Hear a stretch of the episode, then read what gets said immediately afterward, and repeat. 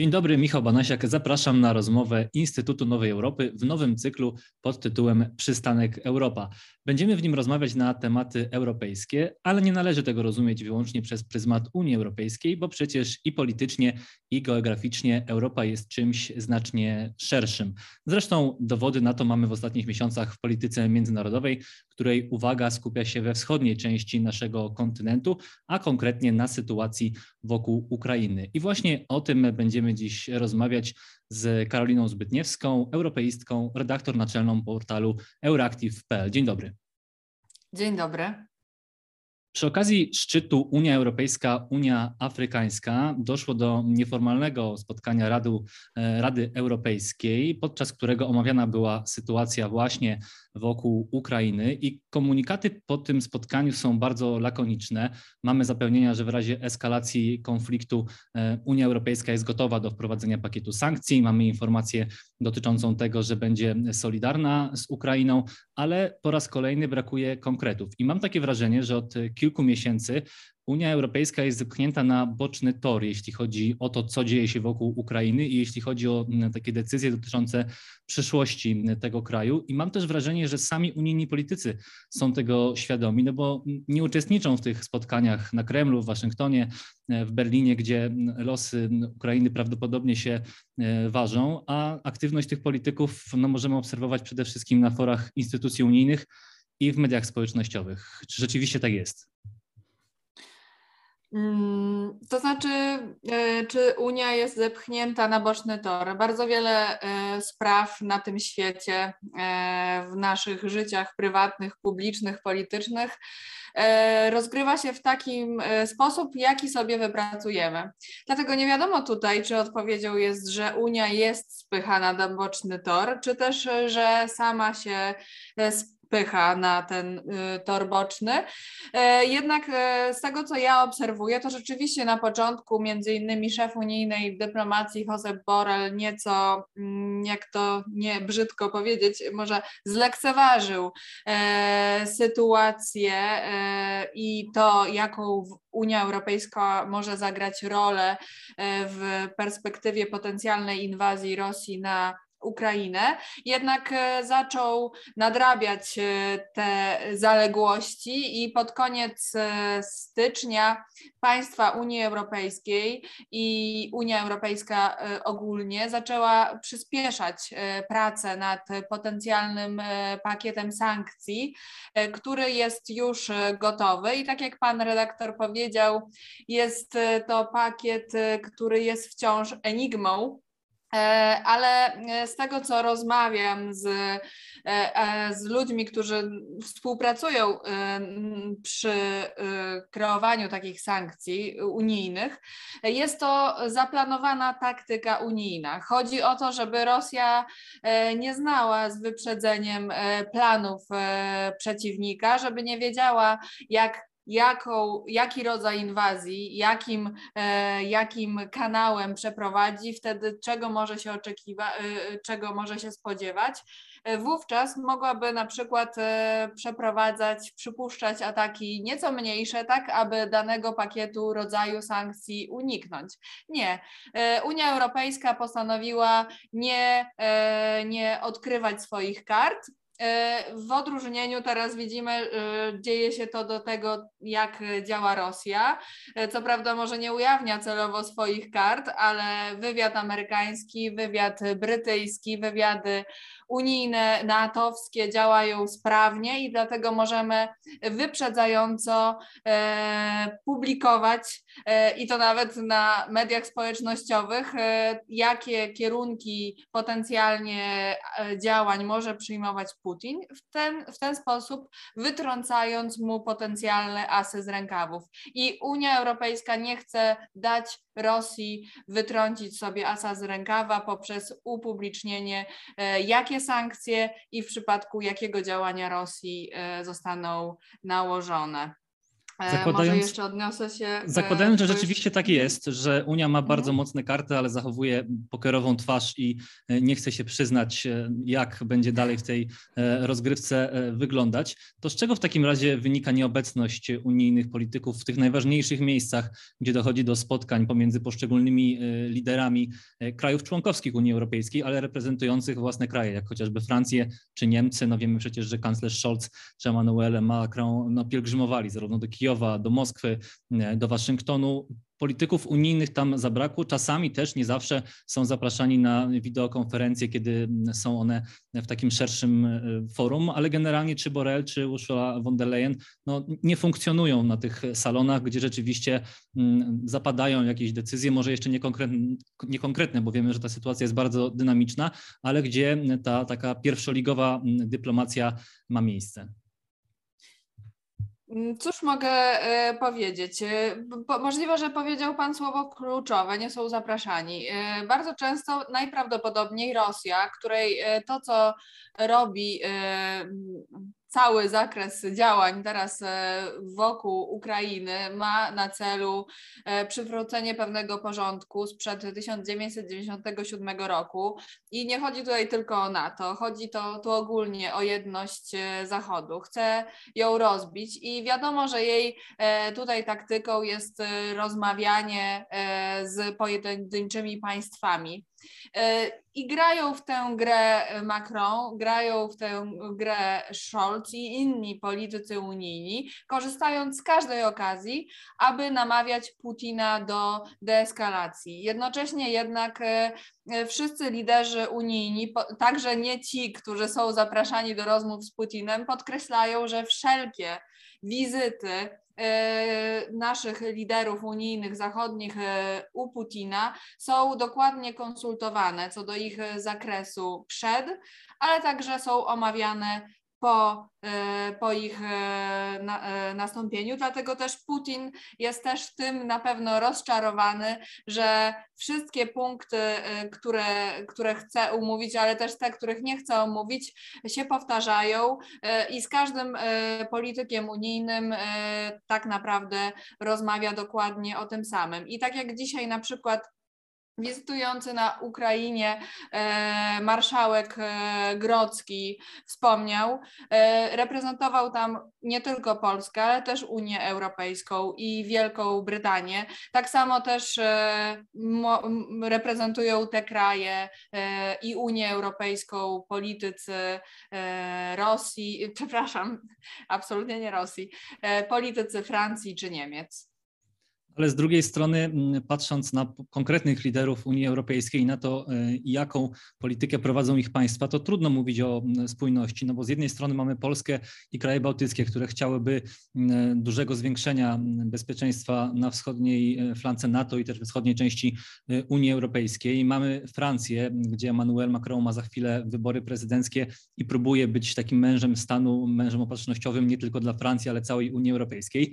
Z drugiej strony jest Olaf Scholz, który prowadzi taką politykę, mm, którą w tym momencie no, trudno rozgryźć, bo Niemcy są za tym, żeby pokojowo ten konflikt rozwiązać, ale mm, Olaf Scholz na przykład nie chce jednoznacznie żadnej deklaracji dotyczącej Nord Stream 2 złożyć. Mamy Viktora Orbana, który od kilku lat no, balansuje między Brukselą a Moskwą. Mamy prezydenta Chorwacji, który mówi, że chciałby, aby jego kraj zachował neutralność, więc te interesy poszczególnych krajów członkowskich są bardzo różne i myślę, że w związku z tym trudno mówić o takiej spójnej polityce mm, unijnej, jeśli chodzi o kwestie zagraniczne, w tym przypadku w stosunku do Rosji. I oczywiście są różnego rodzaju dyskusje i omawianie konkretnych tematów, ale jest niezwykle trudno o wypracowanie takiego jednolitego, precyzyjnego stanowiska.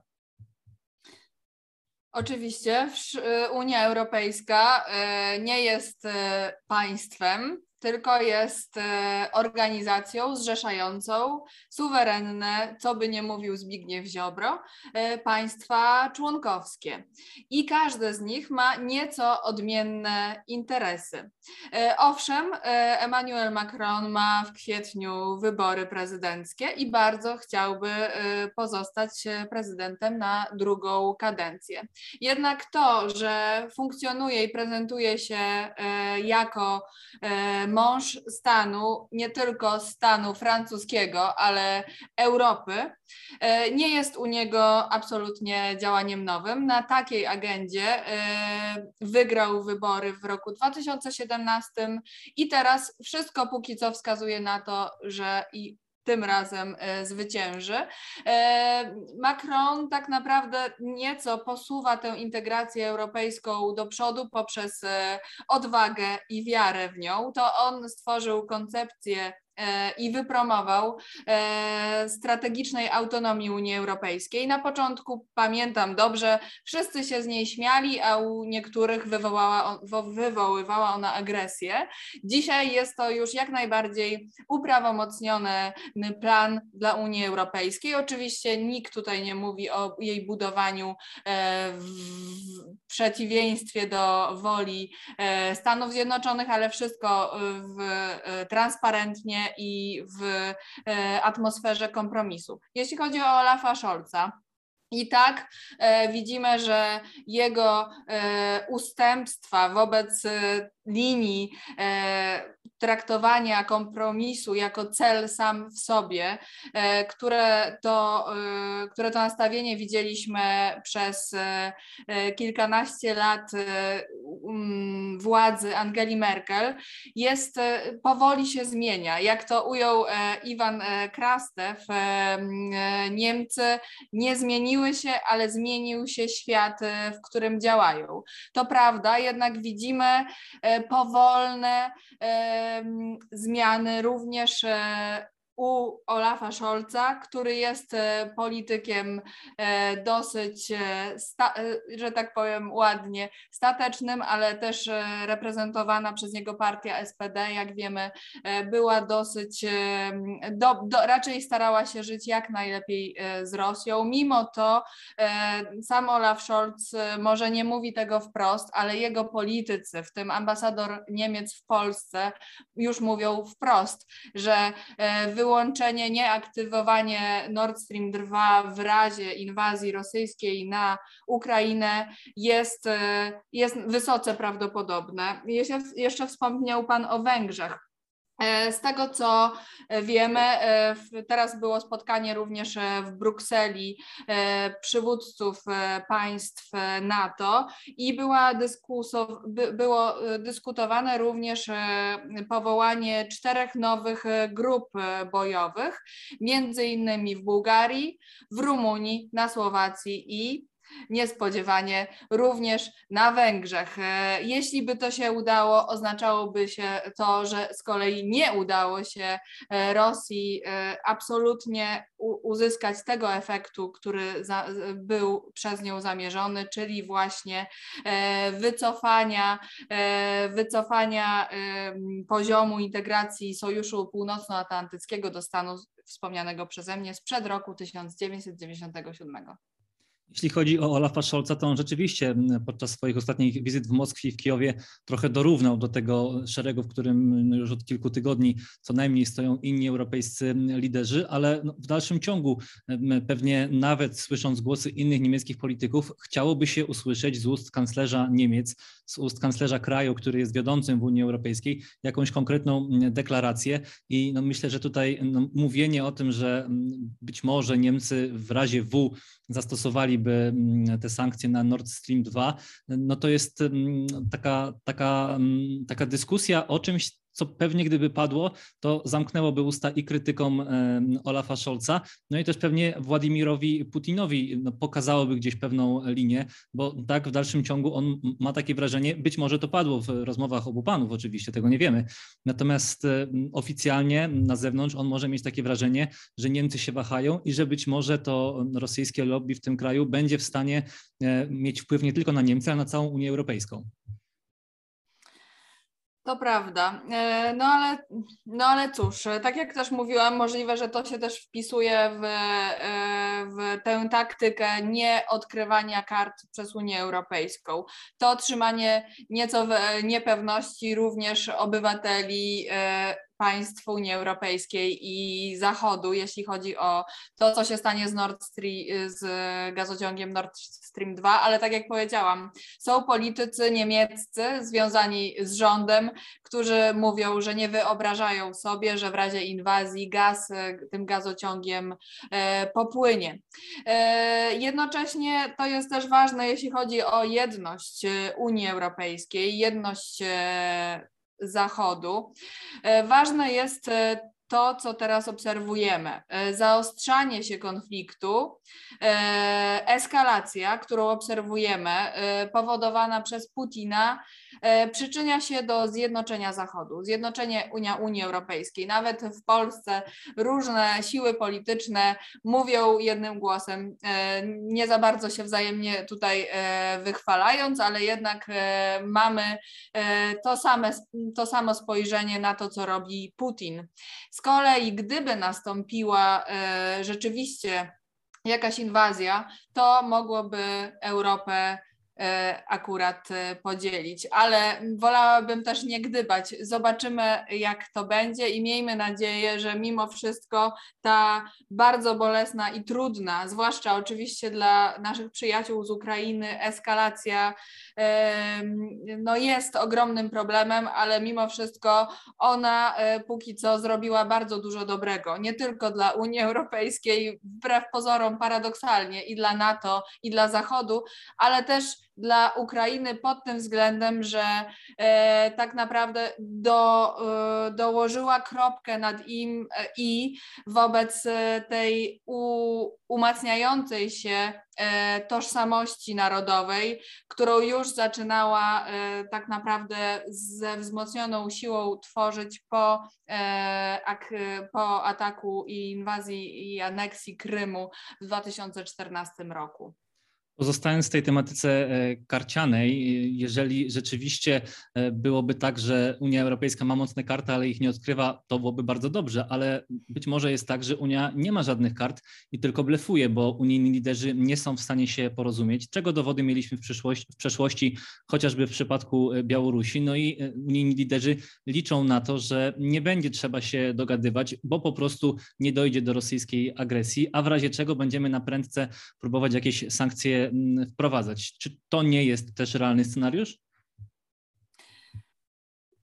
E, skąd ten e, brak wiary w Unię Europejską? To nie jest brak wiary w Unię Europejską, tylko to jest jakby mm, takie przekonanie, może nie przekonanie, ale wrażenie oparte na, tym, na tych problemach, które zawsze były w przeszłości, w momencie, kiedy trzeba było podejmować jakąś wspólną decyzję dotyczącą polityki e, zagranicznej. Więc ja oczywiście bardzo bym chciał, żeby faktycznie było tak, jak pani mówi, że Unia ma mocne karty, ale bazując na mm, doświadczeniach, które już są za nami, Obawiam się, że po prostu tych kart może nie być i biorę pod uwagę, że to może być taki unijny blef. Jesteśmy przygotowani, jesteśmy gotowi, będzie mocna odpowiedź, no ale w sumie to mamy nadzieję, że nie będziemy musieli jej formułować, bo nie do końca wiemy, jak ta odpowiedź miałaby wyglądać. To prawda, e, w kwestiach oczywiście polityki zagranicznej e, każdy z krajów e, ma prawo weta, krajów unijnych, i to prawo weta było jak najbardziej wykorzystywane w kwestiach właśnie polityki zagranicznej, sankcji w kontekście na przykład łamania praw człowieka. Wykorzystywały je między innymi Cypr czy Węgry. Jednak teraz, na przykład w styczniu, Unia Europejska już przedłużyła sankcje gospodarcze wobec Rosji w związku z sytuacją na Ukrainie, ale teraz grozi kolejnymi sankcjami. Tak jak rozmawialiśmy, nie wiemy dokładnie, co one e, mają uwzględniać, ale e, chce, mają koncentrować się na sektorze bankowym i energetycznym, tak aby zaszkodzić Moskwie ale jednocześnie zminimalizować e, szkody dla europejskich e, gospodarek, ponieważ liczne instytuty badawcze wskazują, że e, każde z tych sankcji będą dla niektórych krajów unijnych nieco, nieco szkodliwe. Ale wiadomo, że tutaj chodzi nie tylko o to, o korzyści utracone gospodarcze, ale o zasady pokojowego e, współistnienia i dania e, różnym państwom e, szans na suwerenną, suwerenne istnienie. Jeśli chodzi o Ukrainę, no to wiemy, że ma podpisaną umowę stowarzyszeniową z Unią Europejską i teoretycznie za dwa lata miałaby stać się takim oficjalnym państwem kandydatem na członka Unii Europejskiej, a w latach 30. tego XXI stulecia miałaby stać się członkiem Unii Europejskiej. Jak bardzo życzeniowe jest takie myślenie? Myślę, że w tej chwili nawet Ukraina zdaje sobie z tego sprawę, że, e, że żadnej takiej e, namacalnej e, daty jej potencjalnego członkostwa, czy to w Unii Europejskiej, czy to w NATO, nie ma. Chodzi o to w, tej, w tym całym teraz zamieszaniu, żeby po prostu tego prawa Ukrainie ale też innym państwom z automatu nie odbierać. Tak, żeby te państwa, takie jak Ukraina, miały do czego dążyć, miały swój cel, mogły się dalej e, rozwijać w kierunku, e, e, w kierunku rozwoju instytucjonalnego, rozwoju demokracji, rozwoju gospodarek, tak by móc spójnie, spójnie współuczestniczyć w strukturach unijnych, ale też z czasem natowskich. Więc jeszcze konkludując, tej, e, ta perspektywa w, te, w tej chwili jest e, bardzo mglista. Chodzi o to, żeby ta perspektywa była. Bardzo serdecznie dziękuję. Karolina Zbytniewska, europeistka, redaktor naczelna portalu euractiv.pl. Bardzo dziękuję.